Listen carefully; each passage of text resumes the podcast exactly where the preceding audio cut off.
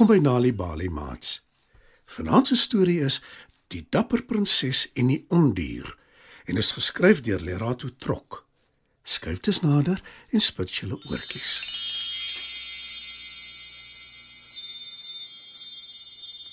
Haar oë is groot en blink.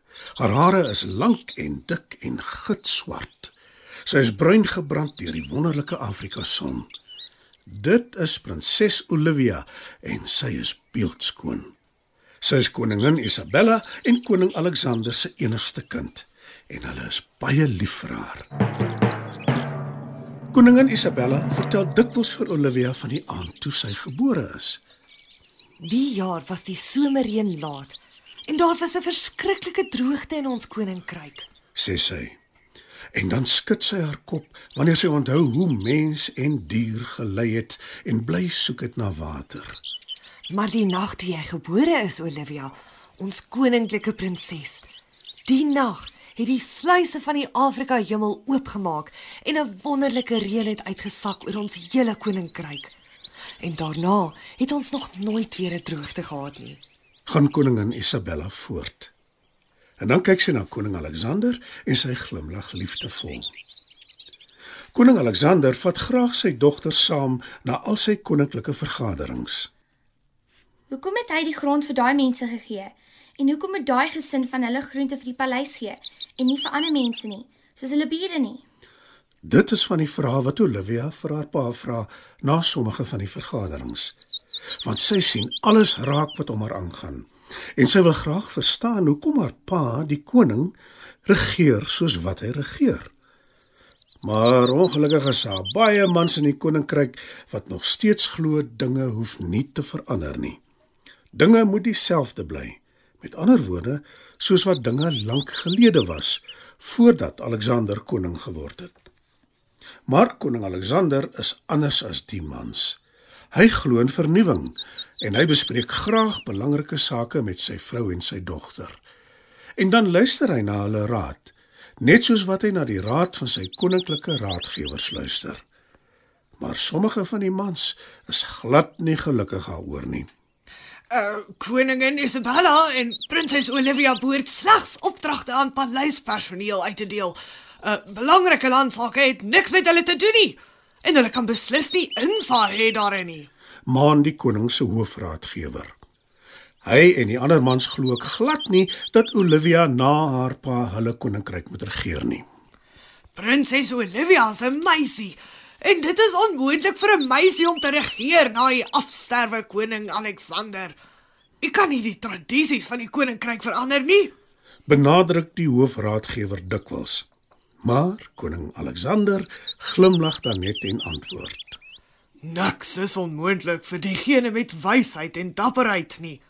'n Wyse en dapper regering dien sy mense, nie tradisies nie. Nadat koning Alexander baie jare lank regeer het en hy baie oud was, breek die dag aan dat hy sy kop neerlê.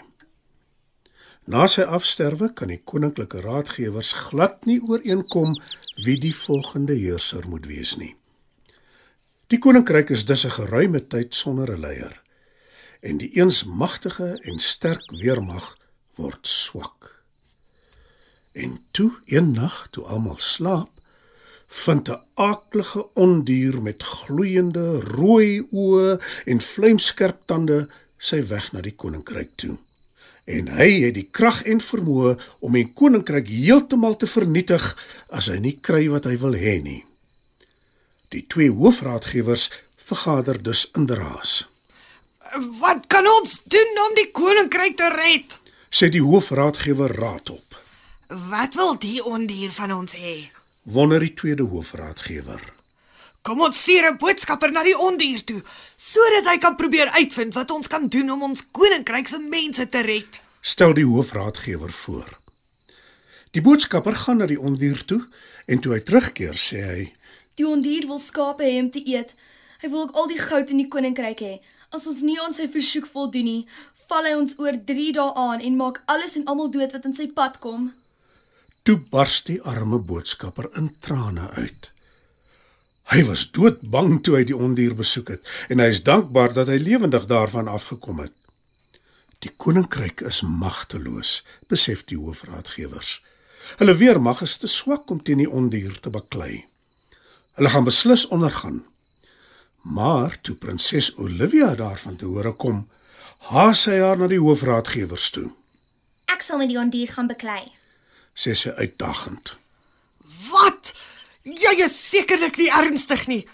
'n Meisie kan geen die koninkryk van ondergang red nie. Roep die hoofraadgewer verbaas uit. Maar Olivia is vasberade. Die prinses omgord haar lendene. Sy is wel bang vir die ondier, maar sy dink aan haar geliefde vader se woorde. Niks is onmoontlik vir diegene met wysheid en dapperheid nie. 'n Wyse en dapper regerder dien sy mense en nie tradisies nie. Sy's glad nie seker dat sy die ondier kan oorwin in 'n geveg nie, maar sy weet sy moet iets doen. Sy vat dus haar vader se goue spies om haar die nodige dapperheid te gee om die ondier te beveg. Sy het hom reeds laat weet dat sy hom op die slagveld sal ontmoet. En nou stap sy dapper soontoe met die spies in haar hand. Toe die ondier Olivia sien, is hy woedend. Hy storm op haar af. Maar prinses Olivia lig haar pa se goue spies op en roep Vir my mense, die mense van my koninkryk. tot prinses Olivia se verbasing draai die monster om en hy hardloop weg. Dit is die heel eerste keer dat iemand opstaan teen die ondier en dit maak hom doodbang. Hy's glad nie gewoond daaraan nie. En net soos alle boelies weet hy nie hoe om op te tree as 'n dapper en wyse persoon wat weier om geboelie te word om konfronteer nie. Mense van heinde en verre praat oor die dapper prinses wat haar koninkryk van ondergang gered het. Heel eerste het sy hulle gered die nag toe sy gebore is, toe die droogte gebreek is. En nou het sy hulle gered van die aaklige ondier se aanslag. En ja, maats, prinses Olivia het toe daarna die koninkryk regeer. Want selfs die mans wat daarteen gekant was, moes erken dat sy 'n dapper, wyse en waardige leier is. Al is sy 'n meisie. Mats, dit was nog 'n aanbieding van Nali Bali storietyd. Die titel van vanaand se storie was Die dapper prinses en die ondier, geskryf deur Lerato Trok.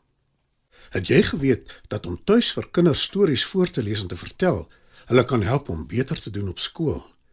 As jy gratis stories wil hê om vir jou kinders voor te lees of stories wat jou kinders self kan lees, besoek die Nali Bali webwerf www.nalibali.org of die Mobi werf www.nalibali.mobi.